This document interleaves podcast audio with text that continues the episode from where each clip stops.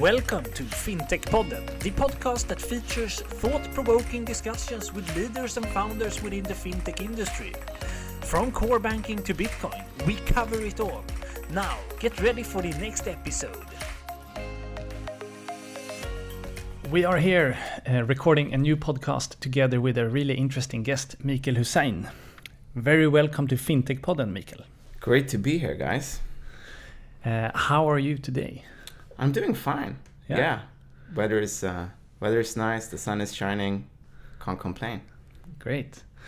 Um, can you tell us a little bit more about you and your background, so our listeners get to know you a little bit? Yeah, um, I'm one of the co-founders and CEO of a fintech called Anyfin, uh, based here in uh, Stockholm, Sweden. Um, but before this, uh, and before co-founding Anyfin with uh, Sven and Philip, my two co-founders, about three years ago, I was with Klarna for quite a while. Mm. Um, so I, uh, I I joined them in the early innings of, of the company before it was uh, called Klarna um, and called the Kreditor. Mm. Um, I uh, I joined. Um, this was in sort of the 2008 2009 crisis, mm. and uh, I uh, had my mindset to work in banking mm. at the time. I wanted to be cool, wear a suit, um, you know, run around, uh, preferably in London, um, and be one of those cool cats. Um, but um, that never materialized. But instead, I joined, you know, Kreditor at the time. Mm. Uh, but I joined um, in credit risk, um, and sort of saw an early opportunity there to leverage all the data that they had into making more accurate risk decisions. So eventually um, that project materialized really well and i got my own team and two teams and then fast forward a bit i saw myself uh, leading up all of credit risk for Klarna there for the last four years i was there. Um, yeah so that's uh, that's me. And now you're the founder and ceo of anyfin. Uh, could you just go, uh, give us a short introduction of what anyfin uh, are doing? Yeah sure. I mean sort of working in the fintech or more more accurately description would be sort of the uh, lending or credit aspect of the fintech industry. You sort of say, you sort of get to know the industry from within. Uh, you see the good things and the bad things. You know the good in that you know it enables people to get access to goods and services much earlier uh, to plan their economy. All the good stuff that credit you know brings to the table. Um, but you also get exposed to the backside of things, the the dark side of things, and um, and that in you know means that customers out there are paying way too much, and they're you know sometimes even get their lives ruined mm. because mm. they overextend themselves, and that never really sat well with me nor my co-founders. Um, and um, what we figured was if we can do something in this industry. Um, and if we make refinancing as simple as it possibly can be, to sort of take already existing debt and to move it into something which is much cheaper, um, not only would we be able to do that in a sort of cool way, uh, but that would also be a way to always be on the customer's side and sort of place ourselves in a in a different, um, you know, in and be viewed very differently mm-hmm. um, uh, compared to what's out there today. So the way that Anyfin works, uh, to actually answer your question, uh, is um, the first product we launched was you you take a picture of the monthly statement that you get, whether that's a credit card bill or a part payment for some online shopping or a sort of loan that you have. You send that to us. We read out all the information we need from that statement itself, uh, that monthly bill. Um, and we instantly send back an offer for a better rate uh, mm-hmm. to and if you think that's good uh, so on average we've offered more than 50% saving off the financing cost uh, mm-hmm. to our mm-hmm. customers you do a one tap okay and then we move the credit uh, we pay off the credit and we reissue with us and you pay much less compared to what you did before um, we've since developed the service even more and we built a lot of integration so now we support you can give us your your handle um, and we would go in and we would fetch the equivalent information so you don't need to take a picture um, but it sort of follows the same process mm. Mm. Cool, uh, very interesting. Um, if we take some steps back, uh, how did you actually end up in the fintech industry from the beginning? Yeah, um, it was more the fin than the tech, to be honest, that yeah. got me. Um, I uh, when I was at uni, um, I studied the sort of the the thing with the most options there is. Mm. Like, um, so I, I never really set my mind that I wanted to go into a profession. Um, but 2008, 2009 happened, uh, and there weren't that many jobs around. There were like a couple of jobs out there, um, and one of them was for Klarna or Kreditor, as it was called. Mm. Um, you know, everything else. And I didn't really know them at that time. Nobody did, right? Um, so it's more of a coincidence than any, you know, than anything. I, I never really uh, had uh, the intention to go in and there actually like back then there wasn't a thing called the fintech yeah. mm. industry. There, it, it wasn't a concept whatsoever actually. Yes, since then it has grown to become a really big thing, fintech. And now we're almost there again with maybe a few jobs out in the market due to the whole situation with COVID and, and so on. So it's really interesting to see how this has evolved. But uh, how come you, as you said before, like you you wanted to become a banker, but you ended up as a at a small fintech player that are now growing fastly. But how what was it that was fascinating for you to move into this more niched area than the traditional players? What was the reason behind? I mean, at that time, to be very honest with you, it was more the the concept of they actually wore a suit to work and there was a job and it had something to do vaguely with finance, which I was interested in. Um, so uh, I mean th- that was why I got the job. But what what sort of hooked me and why I you know have stayed in it since is um, you look at it and there's so much that you can do for consumers out there. Every every citizen on earth have the need of financial services to some degree right? And you look at it and in many countries the backbone of that is more than 100 years old right? And it means to me that it's been one of the sort of industries which has really moved the, the quickest uh, in the last decade or so.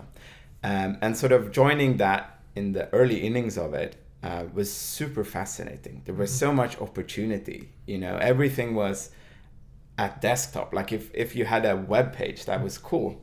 Um, but then the entire mobile revolution came. Um, and obviously, th- with the advancement of technology, sort of so many so many opportunities opened up to, to sort of solve problems for consumers. Um, so I mean that's why I hmm. stayed. Um, and you recently uh, announced that you got some uh, a new funding round, right? A pretty big one, uh, one of the largest one in Sweden this year, actually. and that must have felt pretty good uh, uh, in this situation as well. Like, what will you do with all the money now upcoming? Yeah, no. Um, obviously, that's um, validation that we're onto something and that we have um, managed to really make an impact um, for our customers and in the industry. So it feels really good. Um, and um, it gives us uh, a bit more fuel mm-hmm. to um, um, give even more people the comfort of financial services that are actually built for them and being able to, to build additional features and products around financial health. Mm-hmm. Anyfin from the get go has been around improving consumers' financial health. Uh, it doesn't need to cost, you know, 30, 40% mm. to get a very basic service, which finance is, right? It should cost something, you know, much less. Um, but there are more things we can do for consumers uh, into get um, give them the opportunity to have a better overview, plan, save, um, prevent them from even getting into debt in the first place. Um, so with this funding, you know, we have a great opportunity to execute on that vision, um, and also to cater to more um, consumers out there, mm. not only in the Nordics but uh, in the rest of Europe as well. Mm, exciting, interesting, and and maybe you can't tell this exactly, but how many users do you have uh, uh, today, and what are your primary markets? Um, so the primary markets um, that we serve today are Sweden and Finland. Um, but being based out of Sweden, um, uh, and sort of one of the reasons why I think Sweden and Stockholm has so many, you know, successful international technology companies um, in relation to its size is that it forces you to think international from day one. Mm-hmm. Right? So we're we are three years in into the into this journey. We are in um, Sweden and Finland right now. Uh, we count our uh, customer base in the sort of tens of thousands uh, of customers, um, uh, and um, you know we, we we see an opportunity to to cater to even more customers. Mm-hmm. And uh, currently, we touched upon it a little bit before, but uh, could you explain the customer journey? Uh, how does a customer use your service uh, from start to uh, end?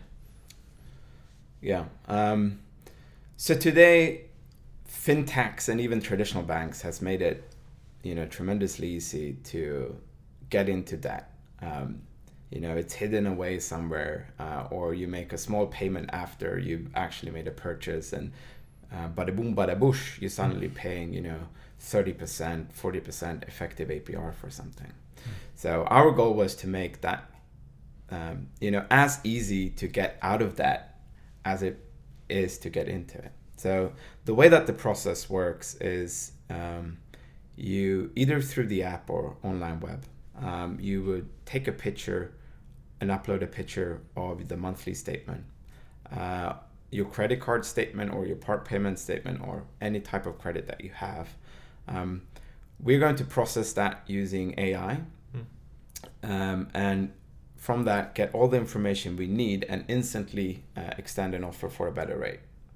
Um, if you like the offer, you do a one tap OK, and then we move the debt for you mm-hmm. into a better uh, sort of credit. Um, so um, that's sort of uh, the the and from that click the user will have all the uh, all the contact with you upcoming and so on. So all the old credits are moving over to you and the consumer will just use your app to interact and do the payments. Exactly. Uh, we facilitate the move for the customer um, and then they uh, hopefully get a much better experience and pay mm, you know much less for their financing uh, with their relationship with us going mm. forward. And you mentioned a little bit about other services when they have moved their finances or credits over to you, uh, like planning their economy and so on. What can you say ab about those services? How do the users uh, use them? Today, um, the main uh, features of the the Anyfin app is still the refinancing option. Um, we do more things once you're actually onboarded, as we make it really for really easy for you to set up a repayment plan and we're trying to make sure to showcase if you actually amortize a bit quicker mm. um, um, you know it's going to mean additional savings for you uh, because that's the way that it works right mm. um, you can vary the length of the loan or you can vary the rate uh, but if you mi- try minimize both you're going to optimize your economy mm. right because you have um, sort of ending up paying uh, much less for that financing. So we do that. Um, what we have in store, which are still sort of still in the testing phases, are more related um, to actually provide an overview um, for you as a consumer. Uh, to understand how much do I actually have and where does that money go, so I can optimize um, my spending for the month or for the year. Mm-hmm. So I do not need to take in additional financing. Mm. So like a PFM or personal finance management solution where you actually can give insight and recommendation to the customer like based on the current situation what are best suited for your total economy to pay. Yeah. Um, but I think many users as well appreciate the fact that you know if you can generate an insight that's one thing you know but if you can actually provide something that is an action for mm. that is actionable with a click of a button or something. You know, do we want to cancel that mm. Netflix over the summer because I'm not using it? Or do I want to pay off um, that one first and make an additional payment so I minimize my total economy.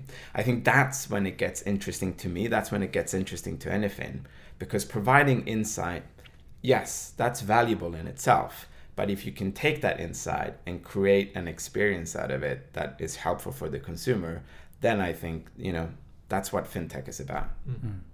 L- Um, at least in Sweden, uh, I mean, we have already talked a little bit about the answer of this question, but in Sweden, we have seen a trend with the growing consumption credits for the last uh, couple of years.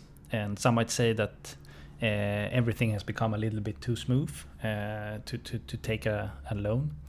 But uh, what is the actual problem with this trend, uh, in your opinion? I mean, it's been an escalating problem for probably a decade, uh, if not more. Mm. Um, no, but the fact of the matter is, there's 25 billion euros of unsecured consumer debt in Sweden, Mm. right? That's on average, um, you know, almost 30,000 or something per adult Swede. Mm. You know, That's a lot. um, it's more than the average saving, you know, right? Uh, and obviously that creates problems for consumers on an individual level, right? Mm. You have less discretionary spend because you end up paying more for these things that it that it just goes to interest and fees, right? Instead of you being able to, you know, save up for something or put away for the kids or actually, you know, use that to buy a new shirt. You end up just paying that in interest. So uh, it has an impact and sometimes you see you know it escalates right it start with something small and then you know it's that that that and it ruins people's lives Mm. right um, but you can also look at it from the sort of societal point of view right? Like we're in this covid situation um, we we don't know how it's going to go. But obviously if we have an over leveraged population that's a problem right? It means that there's less of a buffer for consumers to take from when they need it which means that you know things that you know should not have happened um, will happen as a consequence um, so it's not good right? Um, and i think uh, if you look across the board um, you could have asked for a lot of the banks or the you know fintech players to to actually have sort of realized that they play a huge part in this right? Technology has enabled it. To your point uh, a much simpler process uh, for consumers to actually get into this right Uh, but how are you uh, at Anyfin working on improving this, like the whole current situation? Are you doing any actions for improving the general knowledge, or you have any educational material and so on? Um, we, we do. I mean, we have a fantastic uh, customer success team, um, which uh, allows consumers to actually, you know, have a chat with them and Mm. you know to to actually talk through what they can do um, in terms of improving their economy. Uh, it's been been one of the sort of uh, foundational principles that we want to do. I think one problem with financial services in general is they're not accessible, Mm. right?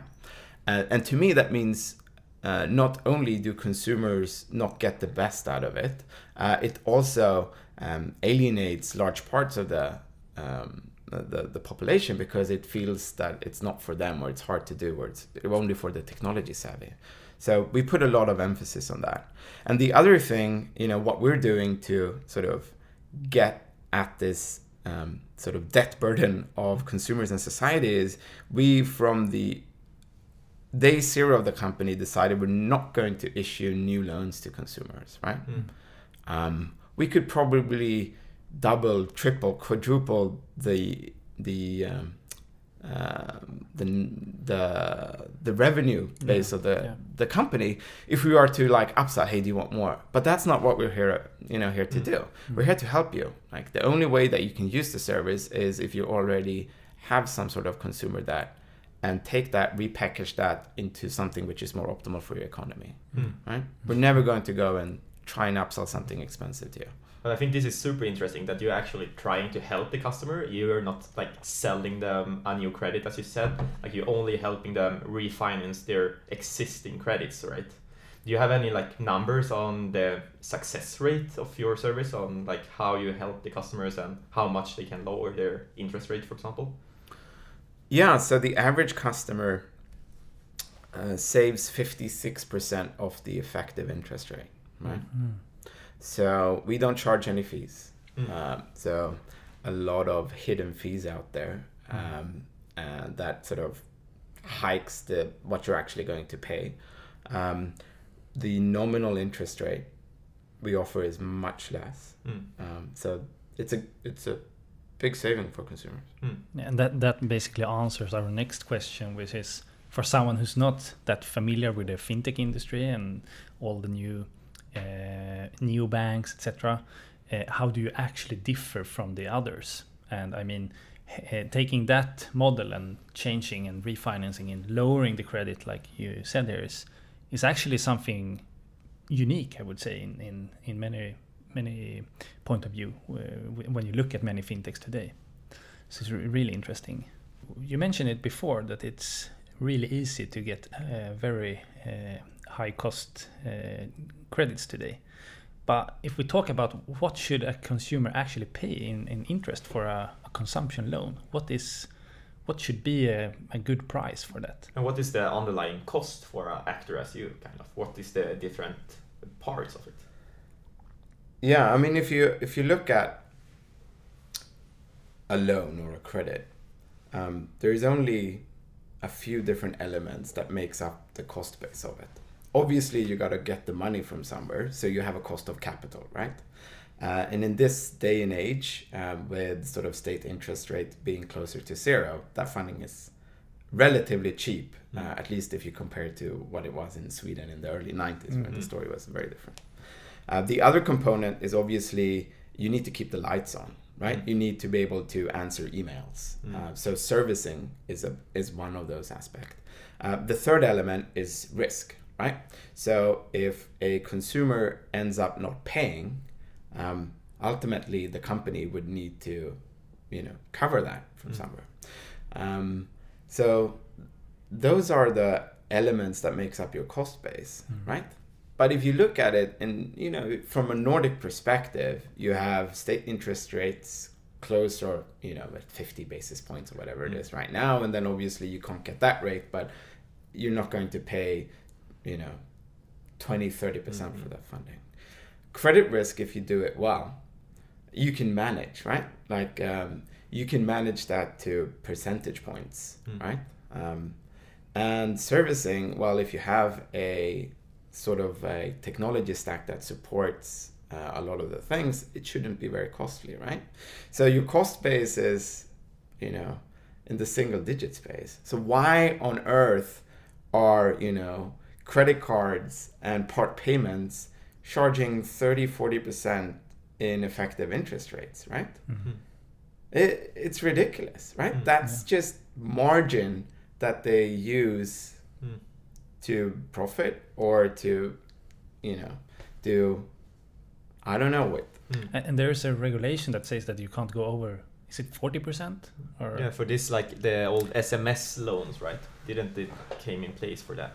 Uh, yes, um, and that's a that's a that's a legislation with really good intentions, and obviously it got rid of uh, a lot of the really bad stuff out there. Mm. Um, there's some exceptions to it, for instance, that um, part payments are exempted from the regulation. Mm. Um, there are um, ways that creditors try and get around it by associating fees um, to it that really drives up the uh, cost of the credit, even though it Mm. doesn't show. Mm. Um, so it's a far from perfect Mm. type of legislation, um, but it's a start. And, and I really hope and think that legislators are going to, you know, take a renewed look at this and learn from from um, when they put it in place a couple of years ago. Mm.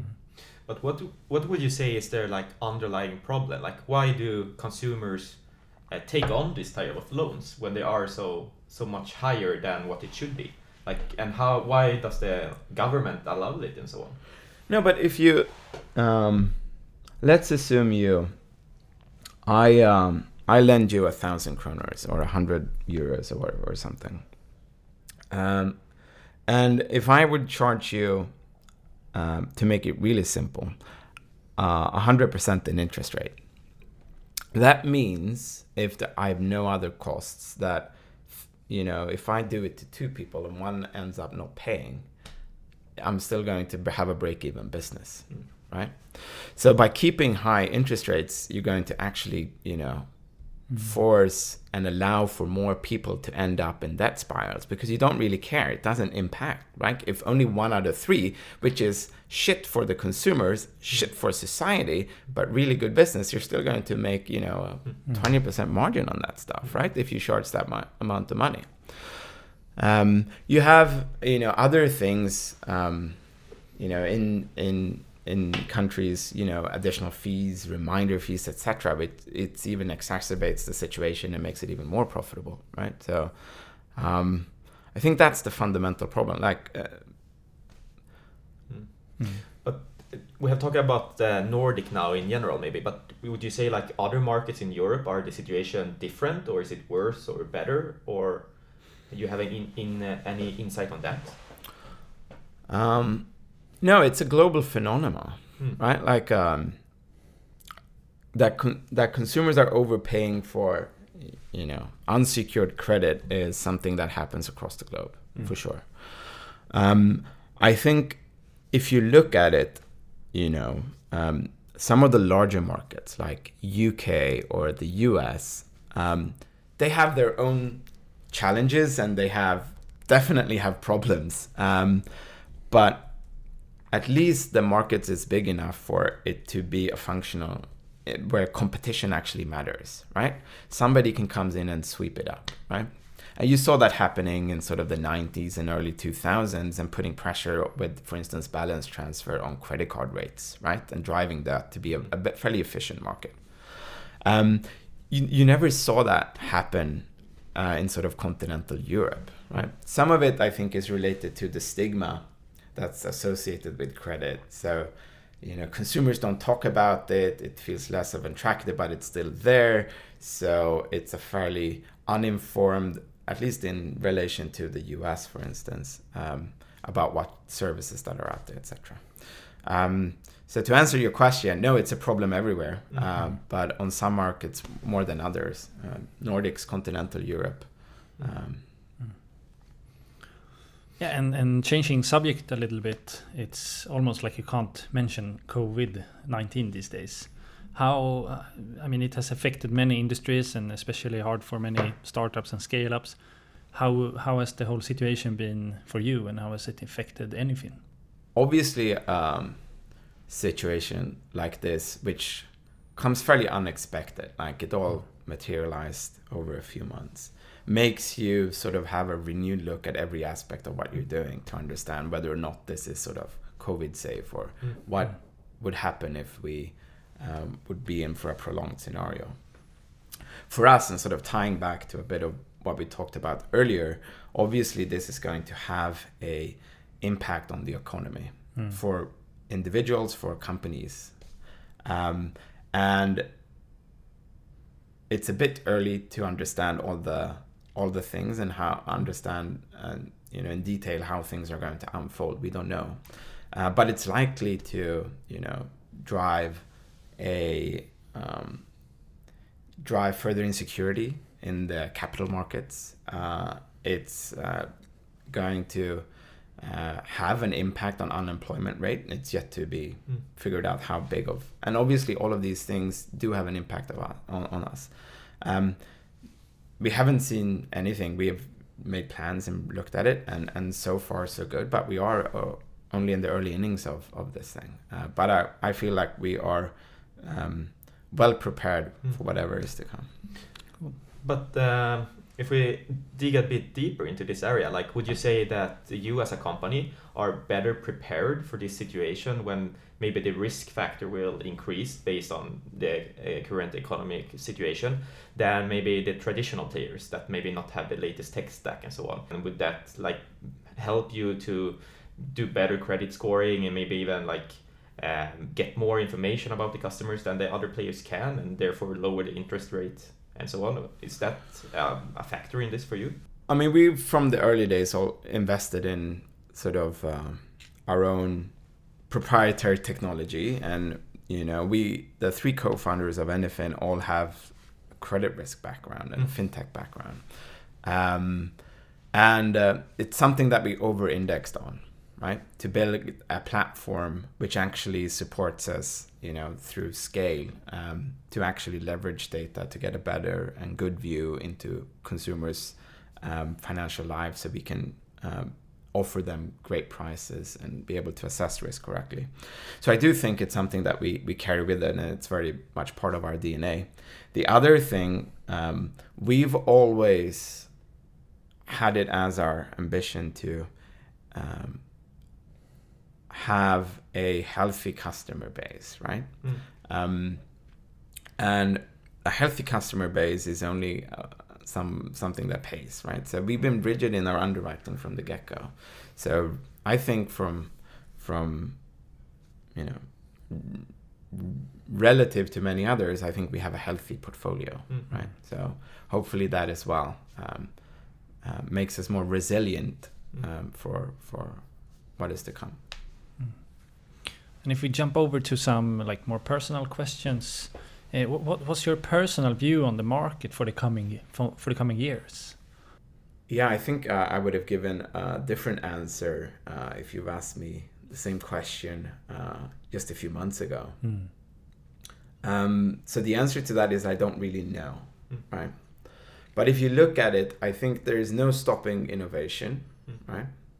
Um, I think you see a lot of legacy infrastructure and clever ways to actually make large parts of it obsolete very quickly, which can allow for more innovation. Um, I think uh, you know open banking uh, is is one of those things. Um, but um, you know everybody, eh, what is, how many people are we on Earth? Like eight billion people. Everybody has a financial relationship of some sort. You know, Mm. somebody that takes care of the economy. And I think we're only um, get it. You know, start at the start where that is going to change Mm. you know, for the better for a lot of consumers. Um, I have no idea what it's going to look like, but um, my, my bet is that it's going to be uh, for the consumer's benefit. I think also the the days of ripping customers off, we're getting like closer and closer to the day where that is not okay anymore Mm. right? Um, I mean, I've, I, you know, I have had the, my banking relationship since the day I was born. It's one of the larger banks in Sweden. Like the only time I hear from them is when they try and upsell me an insurance every year or something like that. Something I definitely don't need, uh, that I know I'm going to pay more for than. Um, but when I try and do my financial, you know, services, I can't reach them. Mm. Um, so, um, and I think, you know, we're getting closer to the point where hopefully my kids won't get to experience that ever. Um, we talked a bit uh, about it uh, in the beginning, but as we said, like you recently received a pretty large investment in the company. Um, what would you say you will use the money for, and what is the next big milestone, both for Anyfin and for you uh, personally? Um, for Anyfin, it's definitely to continue on the path that we're on to provide more products uh, to consumers to help them in their finances or their financial lives. Um, so I think this um, this enables us to go after that. Um, for me personally, this is not a milestone for me, Mm. right? Um, I think um, this gives us an opportunity to do a lot of cool things, Mm. and those are milestones, Mm. right? Um, when we help the first, you know, 10,000 customer, that was a milestone, you know, 20,000, that was a milestone, right? When we managed to save people more than 100 million, that was a milestone, right? Um, funding in itself, sure, it's validation, um, but more than anything, it's just um, enables us to go after and pursue what the thing that we're already on. Yeah, and um, and here's another uh, personal question. Maybe if you were to name one fintech, and you cannot mention Anyfin, anywhere in the world that you think are doing a really great job, which one would you choose? Um, I mean, there are quite a few that do Mm. a great job. Um, I think um, what TransferWise did with uh, FX Mm. is a Mhm. great example. I think um, there is a.